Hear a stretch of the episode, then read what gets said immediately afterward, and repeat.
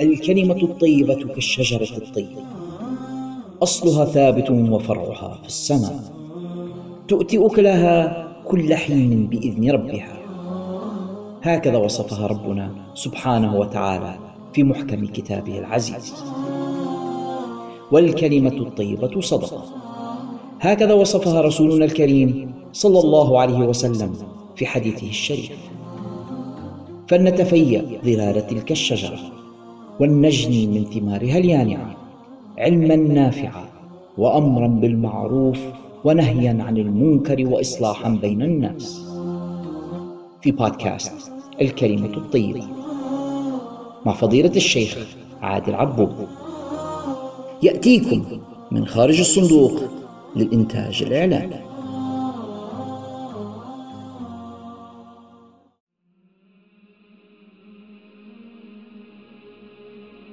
بسم الله الرحمن الرحيم. الحمد لله رب العالمين. حمدا يوافي نعمه ويكافئ مزيده.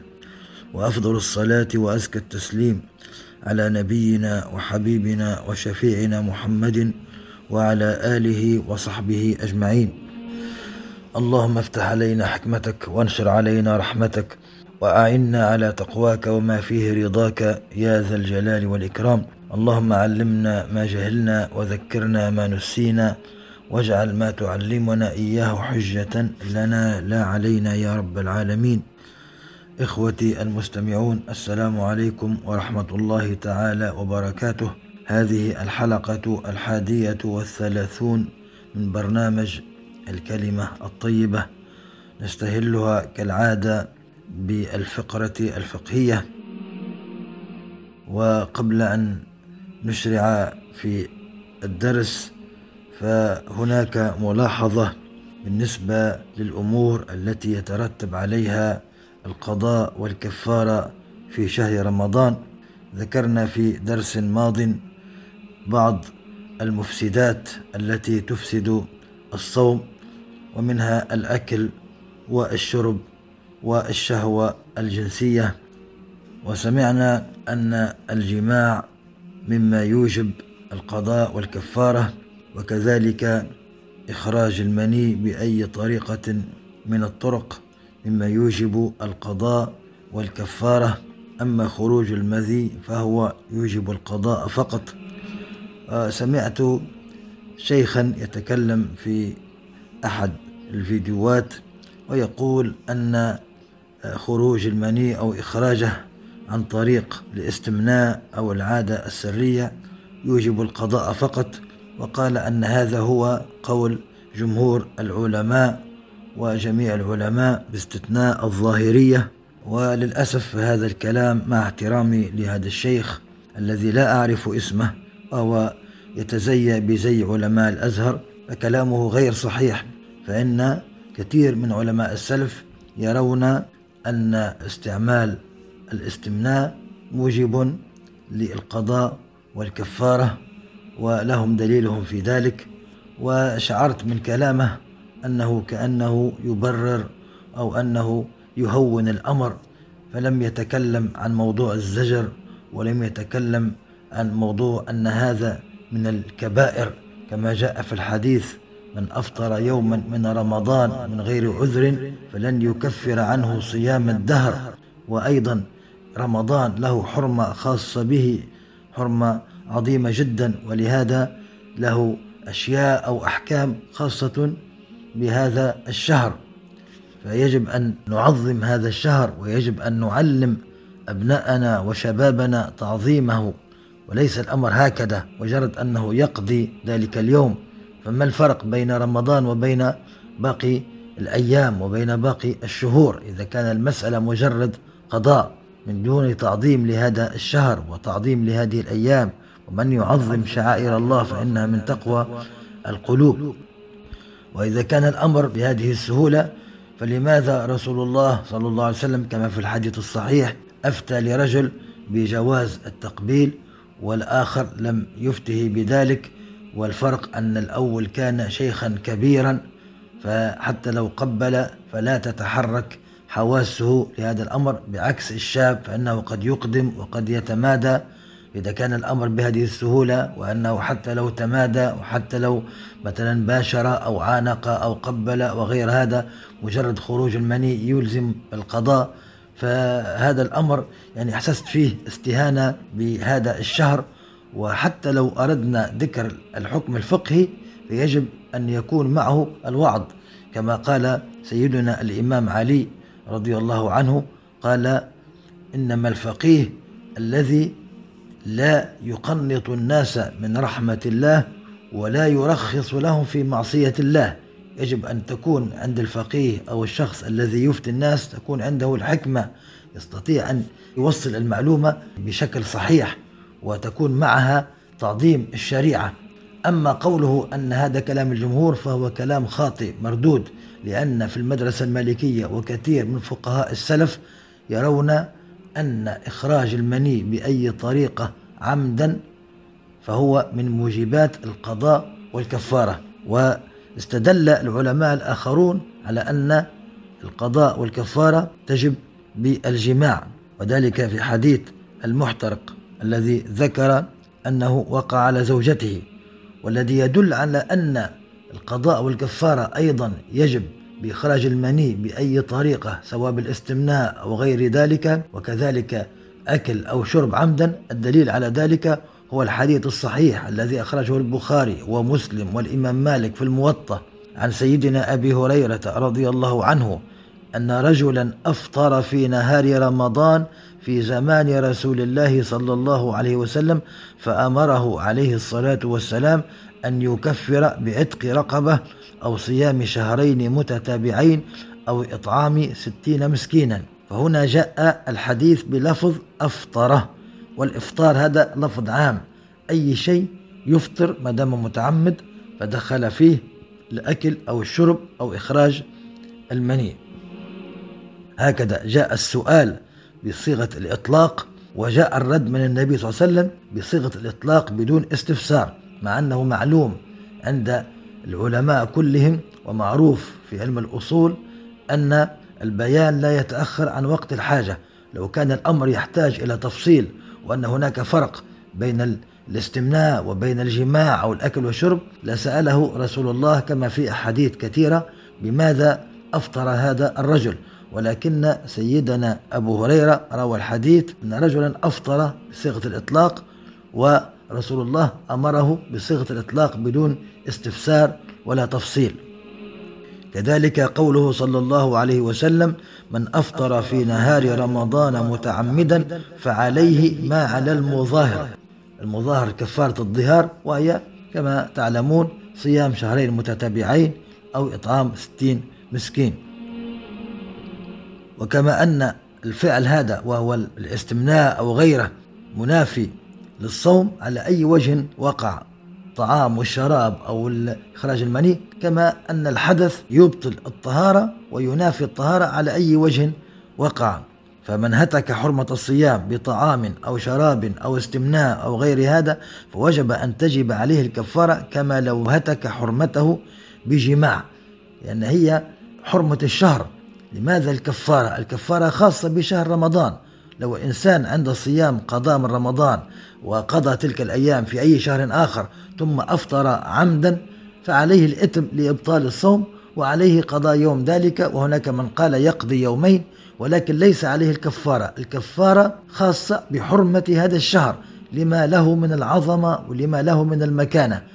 فيجب علينا نعلم الناس نعلمهم تعظيم هذه الحرمات لا الاستهانة بها. وأيضا لأن حقيقة الصوم هي عبادة كف عن قضاء وطر الشهوة والشهوة شهوتان شهوة البطن وشهوة الفرج.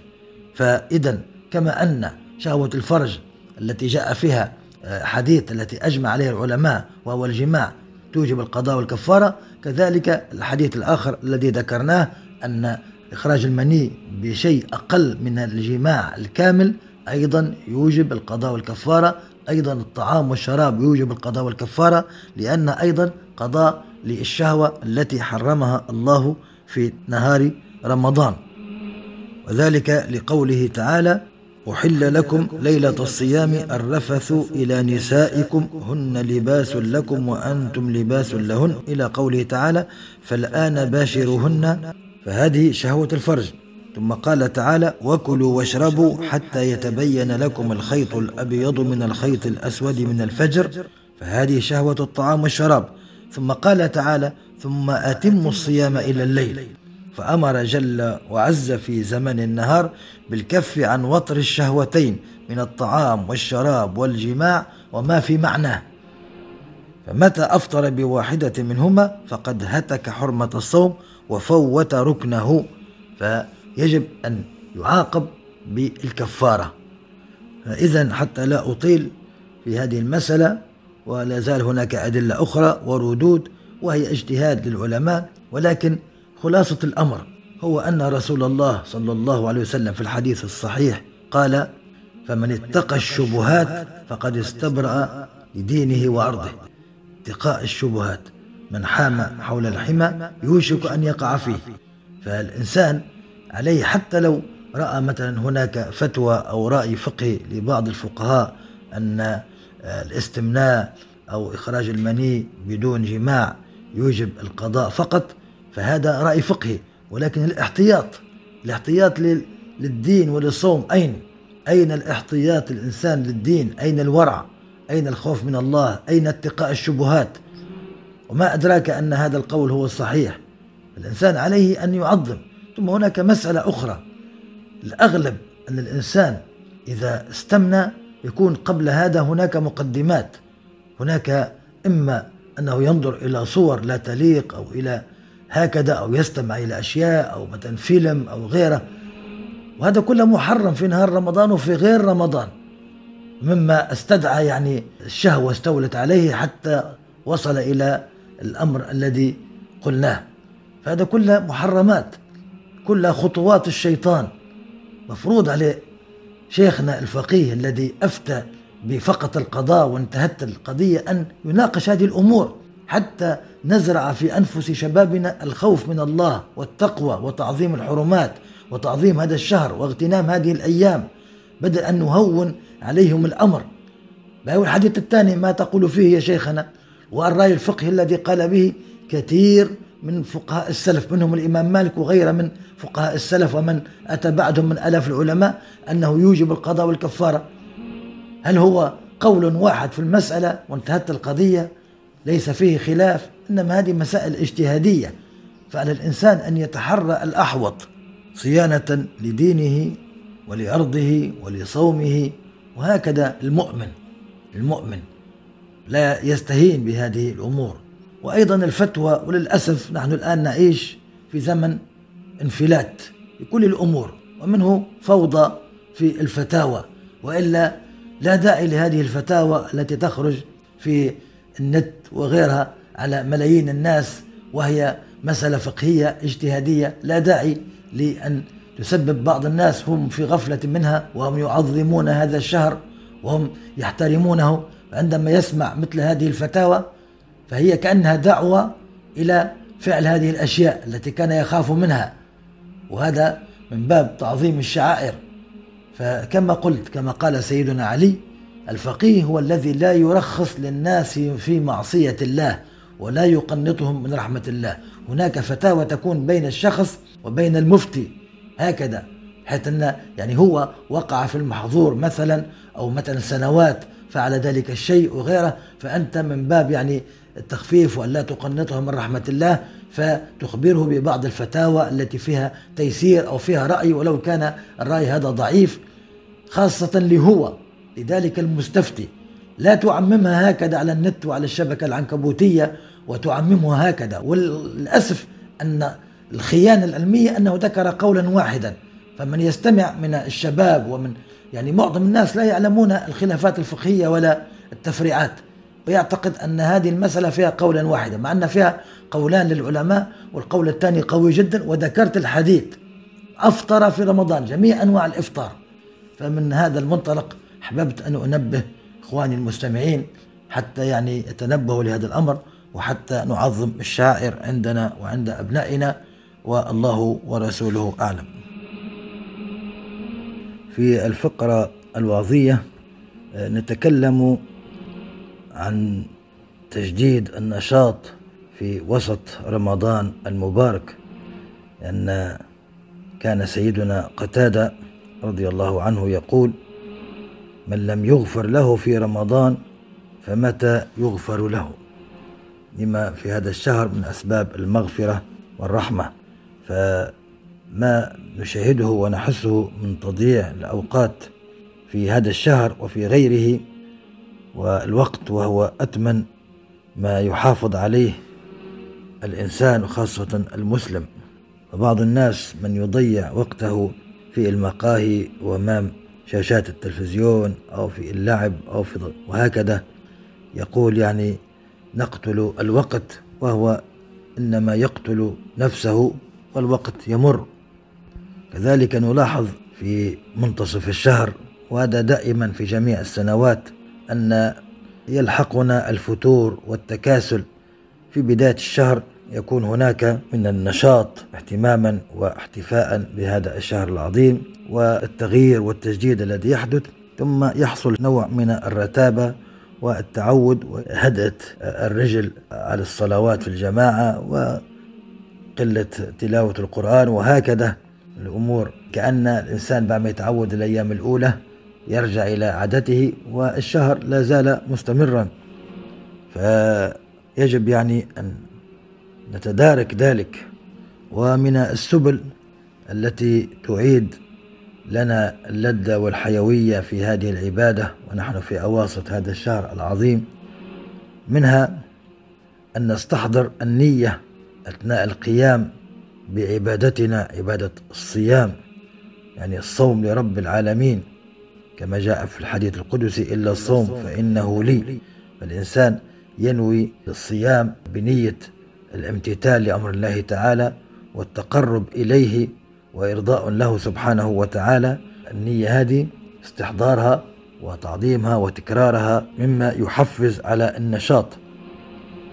كذلك نذكر أنفسنا بالأجر العظيم الذي ذكره صلى الله عليه وسلم في حديث كثيرة منها من صام رمضان إيمانا واحتسابا غفر له ما تقدم من ذنبه. فهنا قال عليه الصلاة والسلام صام رمضان. لم يقل صام الأيام الأولى أو الأيام الأخيرة أو رمضان كوحدة واحدة شهر بالكامل. هو الذي يترتب عليه مغفرة الذنوب وما أحوجنا إلى مغفرة ذنوبنا. كذلك نتأمل ما جاء في فضل الصوم كما سمعنا إلا الصوم فإنه لي وأنا أجزي به.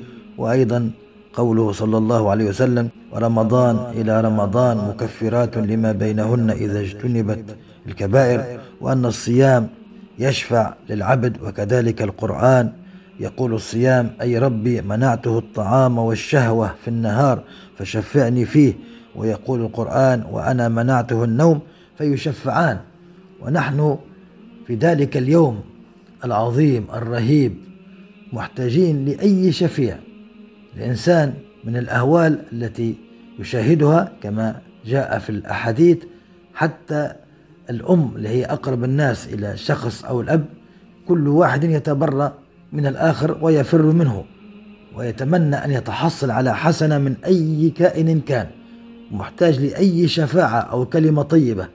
فهنا من الشفعاء يأتي الصيام والقرآن فيستحضر هذه المعاني في كل يوم كل يوم هكذا. فيه يعني تجديد وفيه آه، أجر جديد وفيه تواب جديد وهكذا.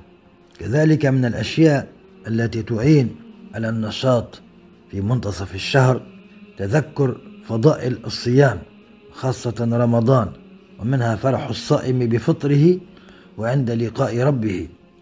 الإنسان لما يؤذن عليه المغرب يفرح. فرحتان.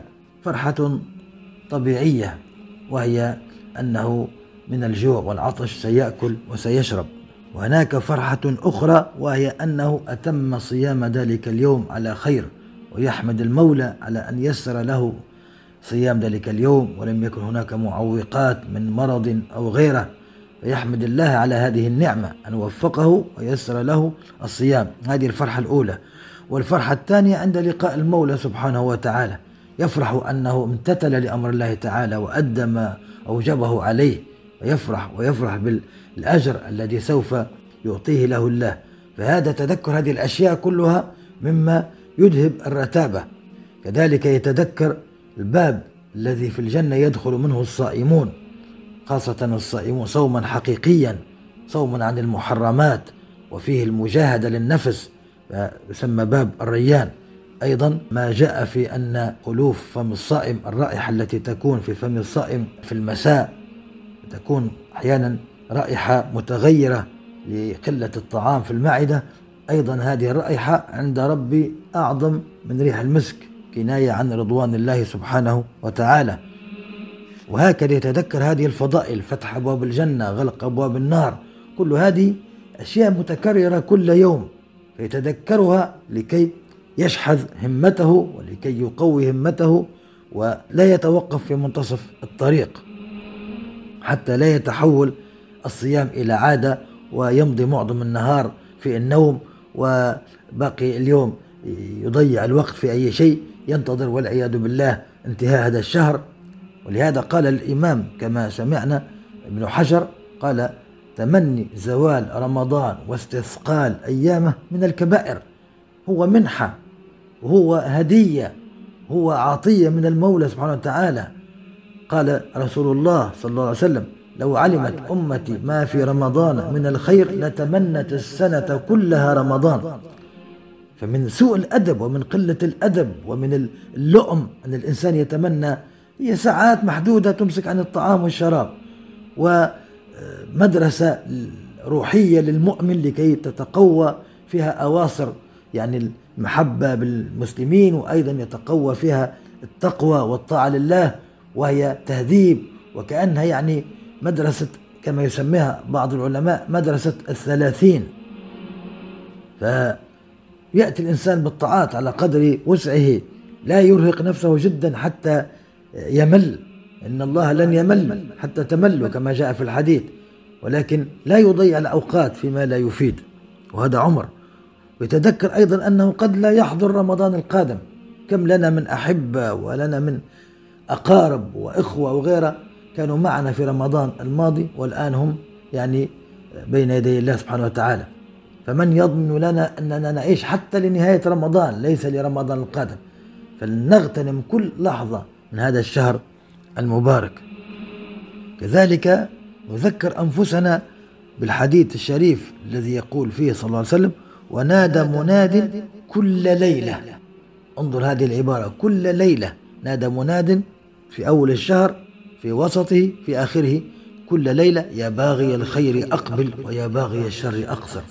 يعني العبادة متجددة وعند بعض الأئمة أنه يعني يجب تجديد النية كل ليلة. وإن كان الرأي الراجح هو أن تكفي نية لجميع الشهر ولكن هي تجدد بحمد الله الإنسان لما يقوم لأكل تناول السحور أو يحتسي حسوات من ماء بنية الصيام فالنية فيها تجديد. فانظر تجديد النية معناه كل يوم عبادة كل ليلة عبادة. لا الإنسان يأخذها كأنها واحدة واحدة يأخذ بداية الشهر وانتهى الأمر. هذا خطأ وهذا تضييع وتفريط. كذلك انظر هذه العبارة العظيمة في الحديث الشريف وهي عبارة تمنع من تحول صيامنا إلى عادة وتمنعنا من التكاسل والفتور وهي قوله صلى الله عليه وسلم ولله عتقاء من النار وذلك كل ليلة. كل ليلة فيها عتقاء من النار. قد تكون أنت عتيق في هذه الليلة في ليلة من ليالي الوسط في إحدى الليالي فكل ليلة لها حرمتها ولها مكانتها ولها عظمتها وفيها من المنح وفيها من الأجور. لو كشف عنا الحجاب لرأينا العجب العجاب. الإنسان لا يضيع هذا كله. في سبيل ماذا يعني؟ في سبيل أن أشياء يعني للأسف المسلسلات وتضييع الأوقات هي أصلا سيعيدونها تلك المسلسلات. يعني غير الإنسان لو يغتنم فرصة هذا الشهر ثم يعني لا تحزن. على هالأمر التافه هذا يعني؟ سيعيدونها شياطين الإنس هؤلاء الذين يشغلون الناس عن عبادة ربهم ولا يختارون لمسلسلاتهم ولا لمسابقاتهم ولا أمور أحيانا محرمة والعياذ بالله والفجور والتبرج وغيرها إلا شهر الرحمة والتوبة. هذه شياطين الإنس يوحون إليهم شياطينهم من الجن لكي يفسدوا عليك صيامك. فلا تكن يعني آسف على الكلمة لا تكن غبيا. يستدرجونك يضيعون عليك الأجر. لن يفيد شيئا إذا الإنسان مات ووضعوه في القبر لن يفيد شيئا ذلك. وسيندم وسيعض يعني على أصابعه من الندم. فكل ليلة فيها عتقاء لله من النار. فلنسعى جميعا أن نكون أنا عتيق في هذه الليلة وأنت وأنت وأنت وهكذا. والليلة التي تليها والتي لا تليها دائما لا نبرح عن باب مولانا سبحانه وتعالى. كذلك مما يعني ينفي الكسل أن بعض كتب الله العظيمة نزلت في أواسط رمضان كما جاء في الحديث أنزل الإنجيل لثلاث عشرة مضت من رمضان وأنزل الزبور لثمان عشرة خلت من رمضان. يعني نزول الإنجيل الذي على سيدنا عيسى والزبور الذي على سيدنا داود على نبينا وعليهما وعلى سائر الأنبياء والمرسلين أفضل الصلاة وأزكى التسليم في وسط هذا الشهر الكريم. كما كان نزول صحف سيدنا إبراهيم عليه السلام التوراة التي نزلت على سيدنا موسى عليهما السلام كانت في أول الشهر كما في هذا الحديث. ونزول القرآن العظيم على نبينا صلى الله عليه وسلم في آخر الشهر.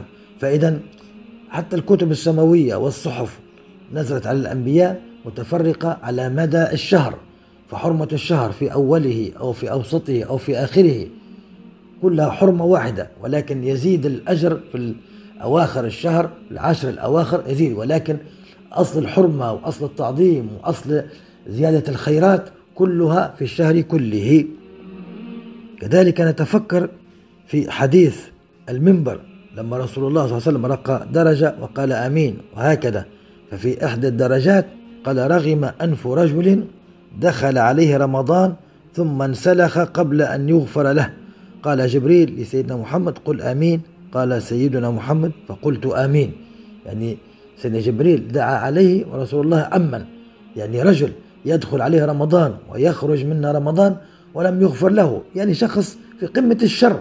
مع هذه الرحمات مع هذه العطايا مع هذه الفسح مع يعني الشياطين مقيدة مع الجنة مفتحة والنار مغلقة مع يعني الرحمة الواسعة مجرد تأتي بأشياء بسيطة تؤدي الصلوات تبتعد عن المحرمات.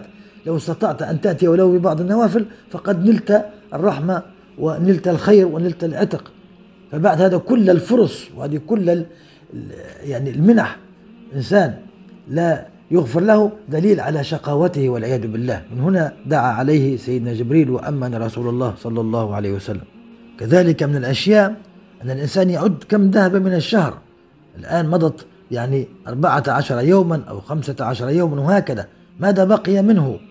هو ضيف خفيف يعني يمر كمر السحاب سريع جدا خاصة في هذه الأزمان التي يتقارب فيها الزمان. فالإنسان يعني لما يرى أن مضى نصف الشهر أو أكثر فعليه هنا أن يتدارك أن يسرع لعل يتحصل لعل يعني يملأ مصرف الآخرة بالحسنات. وهكذا تشعر بالرغبة في الازدياد. تتفكر أنه عما قريب جدا سينصرف وسيغادر. فلا تفوت فلا نفوت هذه الفرصة. لقد مضى النصف والنصف كثير. كذلك أمور أخرى منها يعني فضل الصوم بصفة عامة. قال صلى الله عليه وسلم من صام يوما في سبيل الله باعد الله بذلك اليوم حر جهنم عن وجهه سبعين خريفا. وفي رواية مسيرة مئة عام يوم واحد في سبيل الله. ناهيك عما يكون إن كان في الأيام الفضليات فناهيك إن كان في رمضان. هذا اليوم يوم عادي صام الإنسان في سبيل الله يباعد بينه وبين جهنم مئة سنة. معناها لو دار معاصي الإنسان وارتكب فتغفر بإذن الله تعالى. فهذه الأشياء تعيننا بإذن الله تعالى على النشاط وعلى الاستمرار وعدم التوقف وأن يبارك الله لنا في هذه الأيام وأن يمد في حياتنا وأن يوفقنا وأن يعيننا ويبلغنا ليلة القدر والليالي العشر وأن يكون لنا فيها النصيب الأوفر. والله ورسوله أعلم.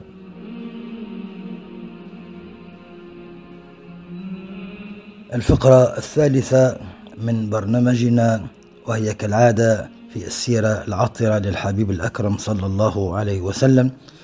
نحن اليوم الجمعة السادس عشر من رمضان ويوافق هذا اليوم ذكر غزوة بدر الكبرى كانت في اليوم السابع عشر من رمضان. في السنة الثانية من الهجرة وقد سجلها القرآن في سورة الأنفال وبين عظم شأنها وسمى يومها يوم الفرقان كان يوم جمعة. والحديث عنها له جوانب متعددة وطويلة ولكن نأخذ شيئا منها وما يتعلق بعمله صلى الله عليه وسلم في هذه الغزوة. فملخص القصة أنه صلى الله عليه وسلم لما سمع بمقدم أبي سفيان بقافلته وبها مال عظيم لأهل مكة فطلب وندب بالمسلمين إلى الخروج إليها وذلك عوضا لهم عن بعض الشيء عن أموالهم لأن أموالهم التي تركوها في قريش عندما هاجروا استولت عليها قريش ظلما وعدوانا فلعل يعني يعوضون بعض الشيء من أموالهم التي تركوها فندبهم إلى الخروج وطلب من الذين هم جاهزون للخروج معه لم يطلب من الجميع. فخرج معه 314 رجل 314 ليس معهم إلا 70 بعيرا والمسافة بين المدينة وبين مكان الغزوة أو مكان بئر بدر حوالي 150 كيلومتر. فتقاسموا الإبل كان مع كل ثلاثة أشخاص بعير واحد يتقاسمونه بمعنى يركب شخص ويمشي اثنان ثم يأتي الدور فيركب الثاني وينزل الأول يبقى وهكذا يتعاقبون. حتى النبي صلى الله عليه وسلم كان معه سيدنا علي بن أبي طالب ومرثد ابن أبي مرثد الغنوي وكان أبو بكر وعمر وعبد الرحمن بن عوف رضي الله عنهم يتعاقبون بعيرا واحدا وهكذا فلم يتميز صلى الله عليه وسلم على أصحابه ولم ينفرد ببعير وحده كأنه فرد منهم.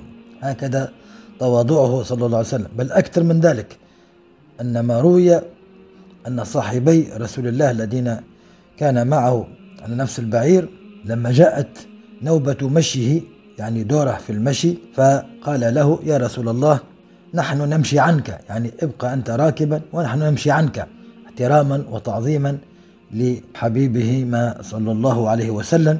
فقال عليه الصلاة والسلام ما أنتما بأقوى مني ولا أنا بأغنى عن الأجر منكما. عليه الصلاة والسلام. هكذا يعلمنا التواضع يعلمنا المساواة وأيضا الاهتمام بالأجر وتحصيله والحرص عليه. ثم سمع أبو سفيان بخروج النبي صلى الله عليه وسلم فأخذ طريق آخر وجانب الطريق المعلوم ونجا بالعير. ولكن خرجت قريش واستنفرت وجاءت بخيلها وخيلائها. فلما سمع بهم رسول الله صلى الله عليه وسلم استشار أصحابه. فلم يلزمهم لأنه خرج بهم إلى العير القافلة. فلما تغير الأمر وأصبح هناك حرب وقتال وقد يكون فيه يعني موت وغيره فاستشارهم صلى الله عليه وسلم مع أن المولى سبحانه وتعالى بشره بأنه سيظفر بإحدى الطائفتين ولكن هكذا حكمته صلى الله عليه وسلم ورحمته ووفاء بعهده فقال لهم أشيروا علي أيها الناس. فأجابه الصحابة من المهاجرين بجواب عظيم آه، دعا لهم رسول الله وفرح بإجابتهم وأنهم معه على كل شيء وأنهم سيقاتلون معه ولكن لا زال يقول أشيروا علي أيها الناس. فقال سيدنا سعد ابن معاذ سيد الأوس قال له لعلك تريدنا أو تقصدنا يا رسول الله؟ قال نعم. فأجاب أيضا بإجابة عظيمة منها أنه قال والله يا رسول الله لا نقول لك كما قالت بنو إسرائيل لموسى اذهب أنت وربك فقاتلا إنها هنا قاعدون ولكن اذهب أنت وربك فقاتلا إنا معكما مقاتلون والله لو خط بنا هذا البحر لخضناه معك. إلى آخر ما قال من كلام في منتهى المحبة والتفاني في سبيل الله وفي محبة والدفاع عن رسوله صلى الله عليه وسلم. وهذا أيضا فيه لفتة ووقفة أن رسول الله لما أخذ يكرر أشير علي أيها الناس وكان يقصد الأنصار بصفة خاصة ذلك أن العهد الذي كان بينه وبينهم أنهم يحمونه ما دام في بلدتهم في المدينة المنورة يحمونه مما يحمون منه نساءهم وأبنائهم ولم يشترط عليهم الخروج لملاقاة العدو خارج المدينة. فلما تغير الأمر أراد أن يستشيرهم وهذا من كمال وفائه بالعهد صلى الله عليه وسلم مع علمه بمحبتهم وإيمانهم وصدق توجههم. ولكن هذه أمور يجب أن تكون في الحسبان وهذا من تمام الحكمة ومن تمام الوفاء عليه الصلاة والسلام. ثم بدأت المعركة. طبعا هناك أحداث كثيرة ولكن نحاول الاختصار. بدأت المعركة وطلب ثلاثة من قريش طلبوا المبارزة فخرج لهم ثلاثة من الأنصار فلم يقبلوا بهم فأخرج رسول الله صلى الله عليه وسلم. الأولون خرجوا من تلقاء أنفسهم فأخرج رسول الله صلى الله عليه وسلم ثلاثة من يعني أقربائه وهم عبيدة بن الحارث وابن عمه وحمزة بن عبد المطلب عم النبي صلى الله عليه وسلم وسيدنا علي بن أبي طالب. أخرج أقرباءه بدأ بأقرب الناس إليه عليه الصلاة والسلام. وهكذا لما قدم هؤلاء أمام الجمع هنا أولا حتى لو قال المنافقون لماذا يعني لم يقدم أقرباءه أو أنه يحمي أقرباءه فهنا يعني أسكت وأخرس الألسنة جميعا. وأيضا لأنه هو جهاد في سبيل الله ولكي إن قتلوا يتحصلوا على الشهادة. وتشجيع لباقي الجيش عندما يروا أقرب الناس إلى رسول الله قد تقدموا إلى القتل وإلى المبارزة فهنا لا يتأخر أحد حتى أن بعضهم من الصحابة الأنصار اسمه عمرو بن الحمام استطال الحياة أن يأكل تمرات. كانت عنده تمرات لما سمع كلام النبي صلى الله عليه وسلم أن من يقاتلهم يدخل الجنة فألقى بتلك التمرات وقال إنها لحياة طويلة. انظر يعني ما بلغ إليه هؤلاء الصحابة من اليقين ومن محبة الموت في سبيل الله وأنه أحب إليهم من الحياة. ومن حكمته صلى الله عليه وسلم أنه مع الفارق الكبير في العدد والعدد. كان عدد قريش قرابة الألف وعدد المسلمين كما ذكرنا 300 وبضعة عشر. كذلك كان معهم الفرسان وكان معهم الإبل والمسلمون كان معهم فقط فرسان وسبعون من الإبل يعتقبوهما. مع هذا الفرق بين العدد والعدة؟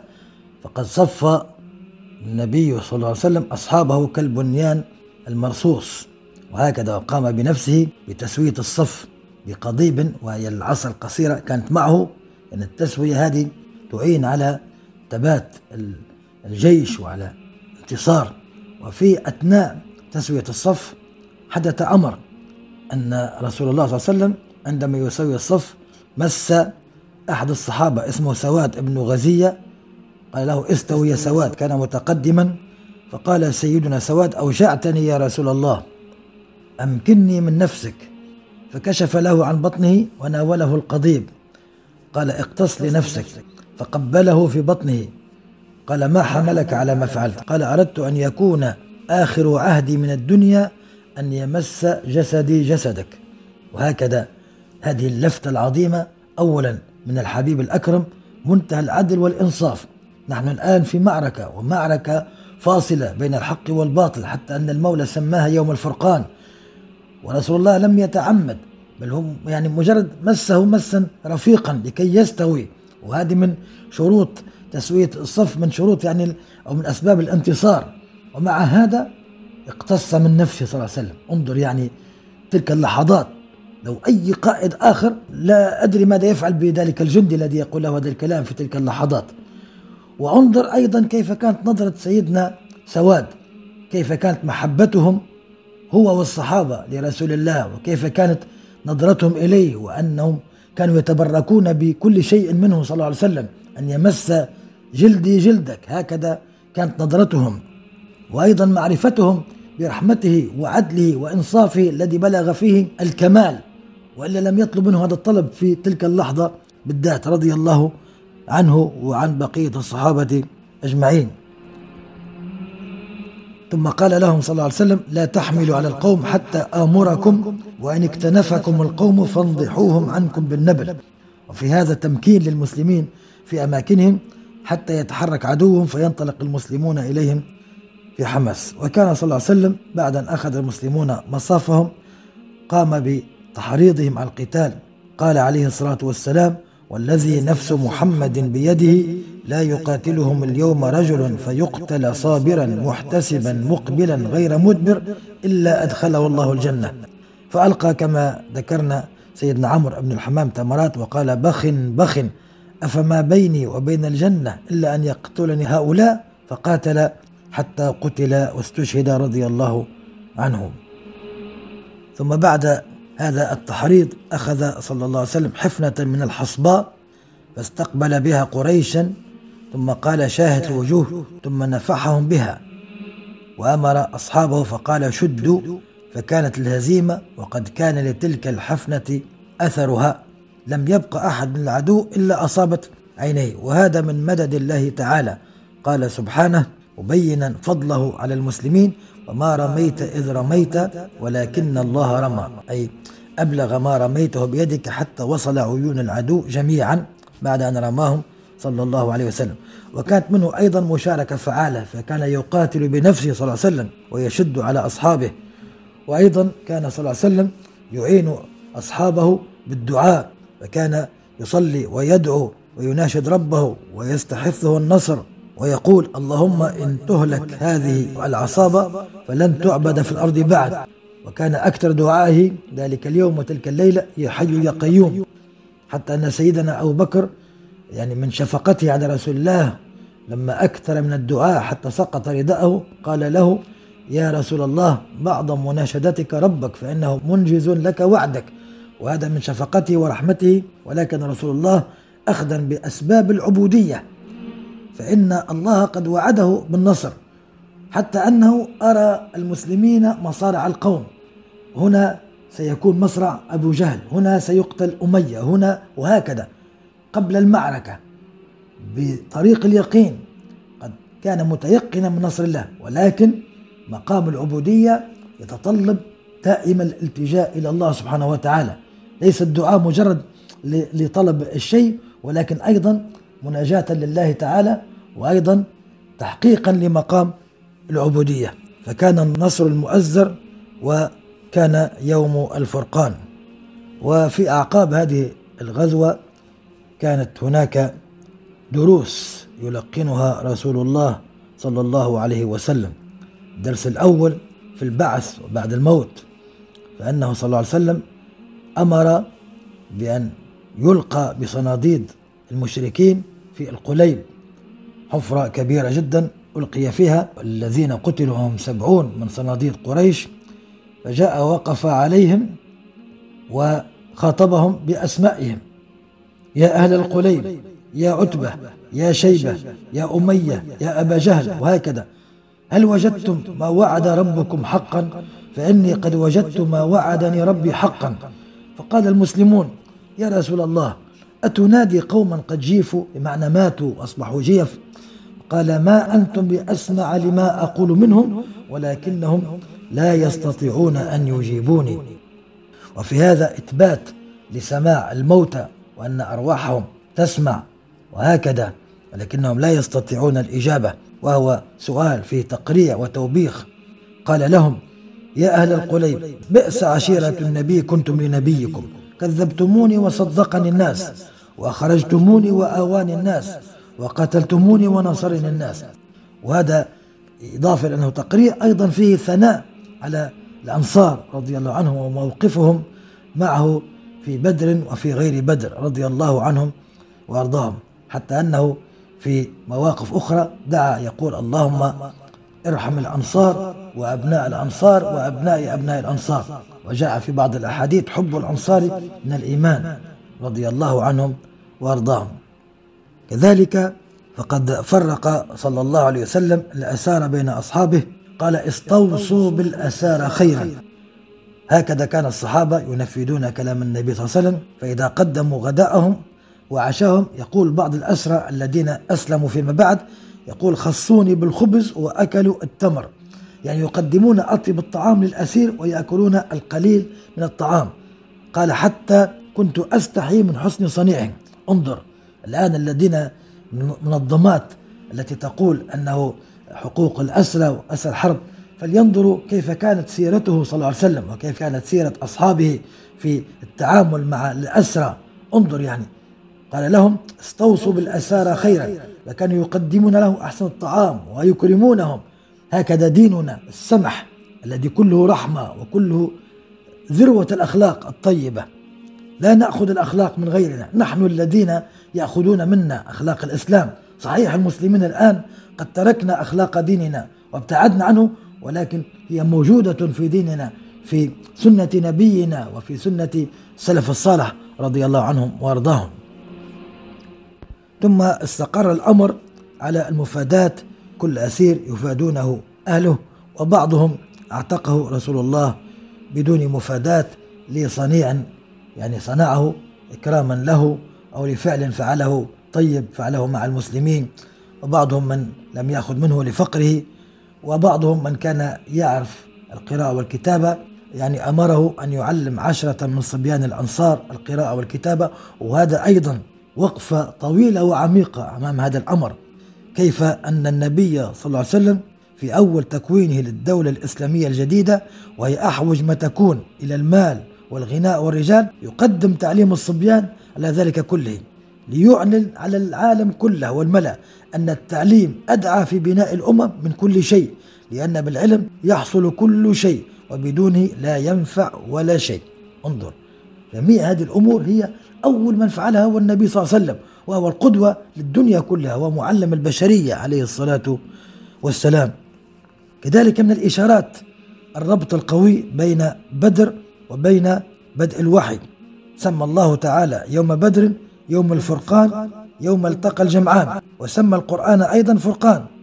فالقرآن فرقان بين الجاهلية والإسلام وبدر فرقان بين الحق والباطل. كذلك الربط القوي بين افتتاحية الوحي بقوله تعالى اقرأ باسم ربك إلى قوله تعالى الذي علم بالقلم وبين مفادات أسارى بدر بتعليم الصبيان القراءة والكتابة بالقلم كل ذلك في توجيه من فعل رسول الله صلى الله عليه وسلم في بدر التي كانت تسمى كما ذكرنا يوم الفرقان هذه الغزوة العظيمة التي ذكرها الله في القرآن. أقول قولي هذا وأستغفر الله العظيم لي ولكم والحمد لله رب العالمين وصلى الله على سيدنا محمد وعلى آله وصحبه وسلم. والسلام عليكم ورحمة الله تعالى وبركاته. إذا كانت هذه الحلقة قد نالت رضاكم واستحسانكم فلا تبخلوا علينا رجاء بترك علامة الخمس نجمات في التطبيق الذي تستمعون إليها من خلاله. وإذا كنتم تستمعون إليها من خلال يوتيوب فلا تنسوا النقر على زر الإعجاب وتشاركها مع أصدقائكم ومعارفكم على وسائل التواصل الاجتماعي كي تعم فائدتها وتصل أكبر عدد من المستمعين. لا تنسونا رجاء من صالح دعائكم. بارك الله فيكم. جميع حقوق هذا العمل محفوظة لخارج الصندوق للإنتاج الإعلامي.